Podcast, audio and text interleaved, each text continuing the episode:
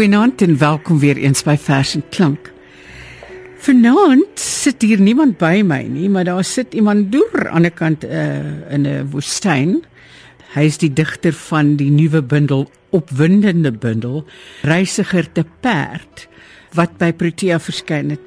Piet gaan vir ons die gedigte lees en vir ons bietjie vertel waar hy die inspirasie gekry het. Piet is 'n bekroonde skrywer. Sy eerste roman, Die Spoorsnyer, het die Tafelberg Sanlam en die Kat romankompetisie en die CNA-prys vir 'n debuutroman gewen. Piet, baie welkom by ons. Dankie, dankie Margo, goeienaand. Piet, was jou eerste werk prosa gewees? Nee, my eerste bundel was 'n digbundel wat daai tyd nog deur die uh, Hollandse Afrikaanse Uitgewersmaatskappy uitgegee is. Die bundel se naam was Draak op die op die erf. En dit was het ek eintlik maar 'n matriek geskryf die gedigte en toe se kort na matriek uh, is dit toe gepubliseer. So dit was 'n digbundel. En toe was daar jare se stilte voor ek toe nee wag 'n bietjie, toe was die die spoorsnyer toe gekom as, ja. as ek nou reg is. Ja. En en kort daarna het jy die olifantjagters wat toe met die Mnet prys bekroon is, nê? Nee? Jy's reg. Dis baie imposant. Professor in politieke wetenskap aan die Universiteit van Namibië wat min mense dalk weet. Dit is vir my altyd interessant hoe regterbreine en linkerbreine en so aan alles deurmekaar raak baie keer. Ja, baie keer raak hulle heeltemal te deurmekaar, jy's heeltemal reg. Maar nou ja. Nou hierdie bundel van jou, Reisiger te perd, gaan oor perde. Vertel vir ons hoe jy hiermee begin. Ek was al van kinds af verskriklik lief vir perde want my oupa was 'n perdeteeler. So hy het my nog op 'n perd se rug getel die eerste keer en wees bewondering vir hom en die opwinding op die perd het die ding maar gegroei met die tyd saam. Ek het lief gebly vir perde soveel so dat ek later vir Namibia se uitritspan gekies is nou al 'n paar keer en ek het maar nog altyd my perd. Ek het vanoggend jy so ver uit gaan ry daar in die veld met die perd. Dit is 'n pragtige terrein so sodra ek ry ry daar in die berge in waar niemand anders kan kom nie en jy kry nog jou visarende en wiskruisarende en allerlei soorte wild en goed jy weet selfs uh, weet luiperds en hyenas en goed nog daar in die berg in waar ek ry. O, oh, dit klink absoluut lekker, wonderlik. Lekker. Absoluut wonderlik. Nou, hoe het hierdie bundel tot stand gekom want jy lees skynbaar verskriklik baie. En jy lees wyd? Ja, ek is baie lief vir lees. Lees dit ook nog maar van kindsheid af, weet by my pos gevat. Daai tyd ek uh, my eerste skool van Senekal in die Vrystaat begin in die volksskool en daar was 'n biblioteek. Die dorpsbiblioteek sommer so in die skool in 'n hoek. So ek het onmiddellik weet lief geraak vir lees Olaf Visierower en Rooi Jan en Swart Luiperd en daai goed. Mm. Het ek verslind.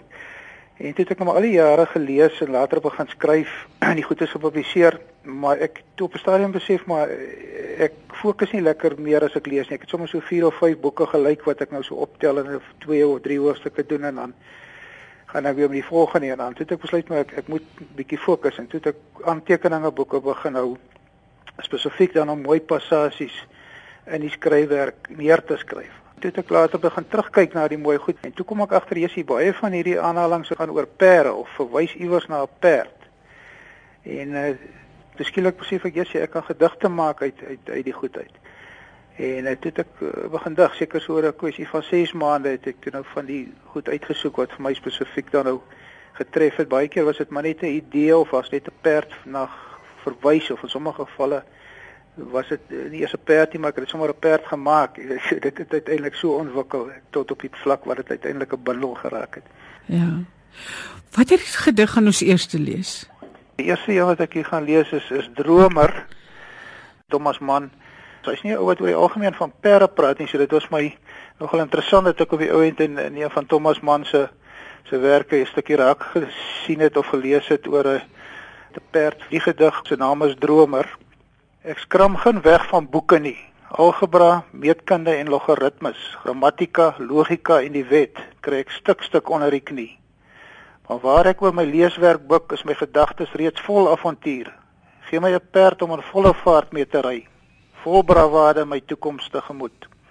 Op 'n perd se rug is ek op my allerbeste, oor en oor geoefen in my gedagtes. Die blootsrug ry, die handgalop, die sirkel, So by my aangebore ek kan dit sit sit doen.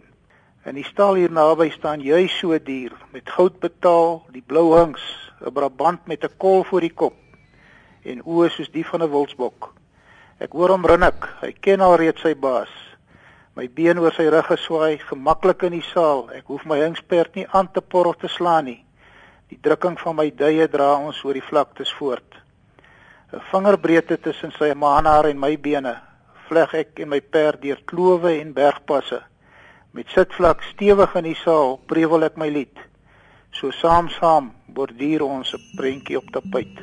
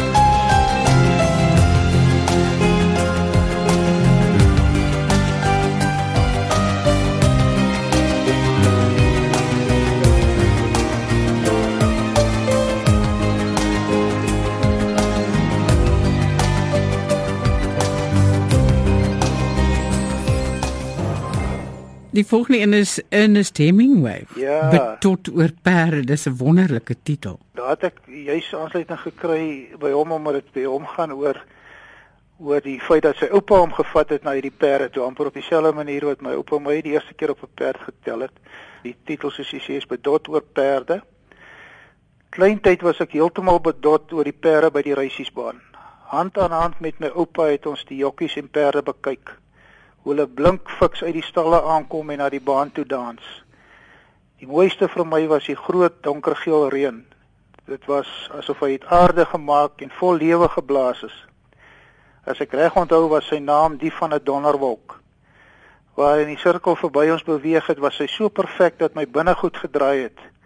Hy het sy kop laag gehou en met die stang gespeel, met die nek gekrom al dansend op sy voete soos op vere die losgelate perde dan die een na die ander galop al teen die reëlings af net as 'n voorskou.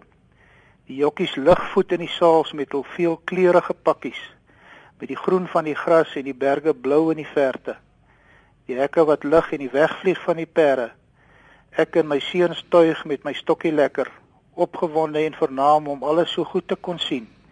Hoog en wydsbeen op die nek van my oupa. Die reën 'n geel streep by die wenpaal verby Frans Kafka. Ja, ek ek self ek sê die, die Duitsers en die Russe staan bo op my wenslysie van lees Kafka lees ek oral oor. Mens kan die Kasteel van hom byvoorbeeld kan jy seker maar elke week slag deur lees as as jy tyd het daarvoor. Nou hierdie kom nie uit 'n kasteel uit nie, kom eers van sy korter verhale uit. Die gedig se naam is Die Vlug. Immer hoopvol soos kinders roep ons die ou wonings vaarwel. Die vlam van vreemde plekke brand helder in ons. Voordag reeds is ons wakker, klaar opgestaan en gereed. Die helfte van die dorpie het ons pad langs vergesel met vlae en baniere en 'n harde gejuig. Nooit tevore het ons besef hoe groot en hoe hoog die liefde vir die wytes van die wêreld in ons brand nie. Elke dorpsgenoot vandag 'n broer of 'n suster. Eendag sal ons hulle wel behoorlik bedank. Eenheid, eenheid, eenheid en broederskap. Dis die lig waarmee die son ons pad na vore belig. Skouer aan skouer ons verbond van vennote. 'n Kringloop van bloed weier as die liggaam. Stewen deur die omstreke waardeur ons reis. Uiteindelik kan ons ons kampplek ver opslaan. Geen barbare uit die noorde kan ons hier bereik nie. Ons mag van hulle lees in die geskrifte van die oudstes, hier waar ons nou onder koelskadubome sit. In die prentjies van die skilders sien ons hulle gesigte. Die vertrekte gesigte, die gapende monde, die tande, halfgeslote oë waarmee hulle reeds na slagoffers soek. As ons kinders stout is, wys ons hulle die prentjies. Al gillende hardloop hulle onder ons arms uit. Maar geen greintjie daarvan is hier waar nie. Ons sien hulle nie en hoop om hulle nooit te sien nie. Al sou hulle in volle vaart bly ry op hulle halfwilde perre.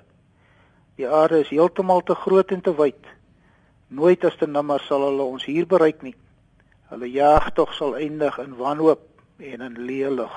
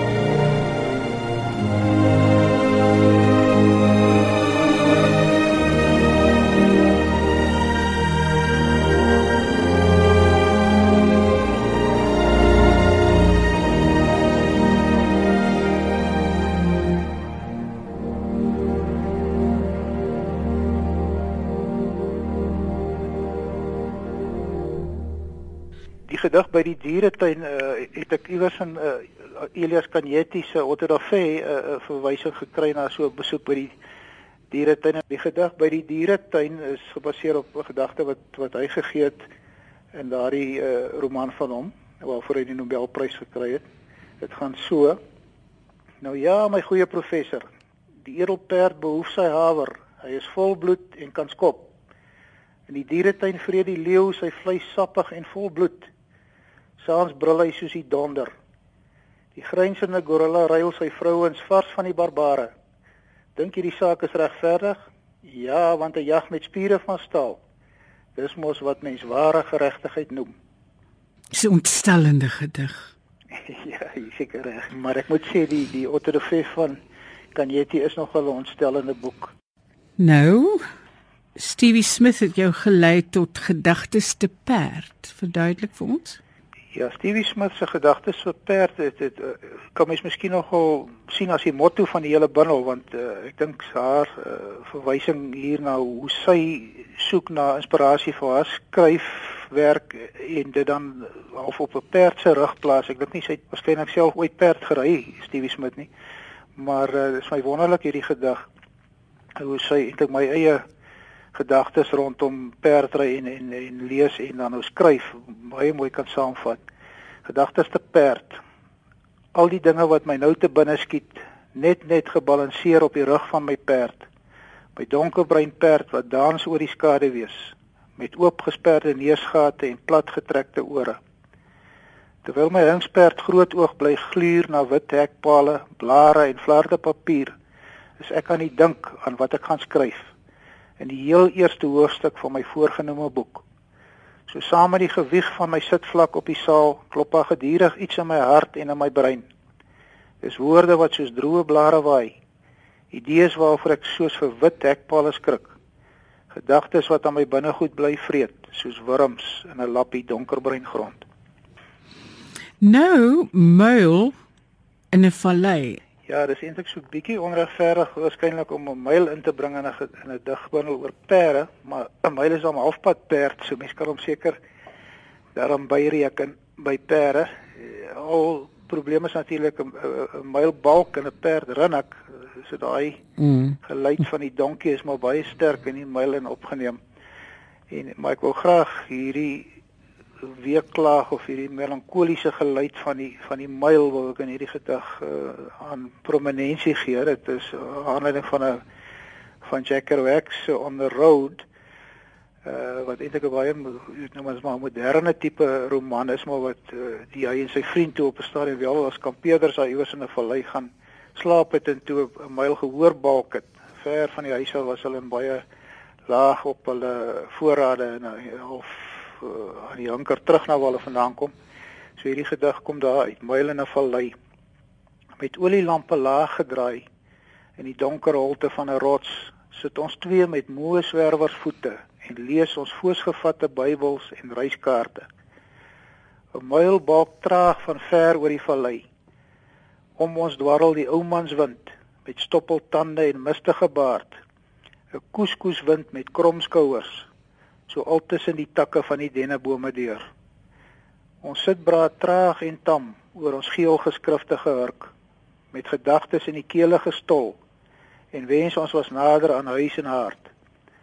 As 'n myl eers so gruwelik hier huil, te hartverskeurend, onerbarmlik, bly daar niks vir die verlate reisiger oor as om vir beskutting en genade te bid nie.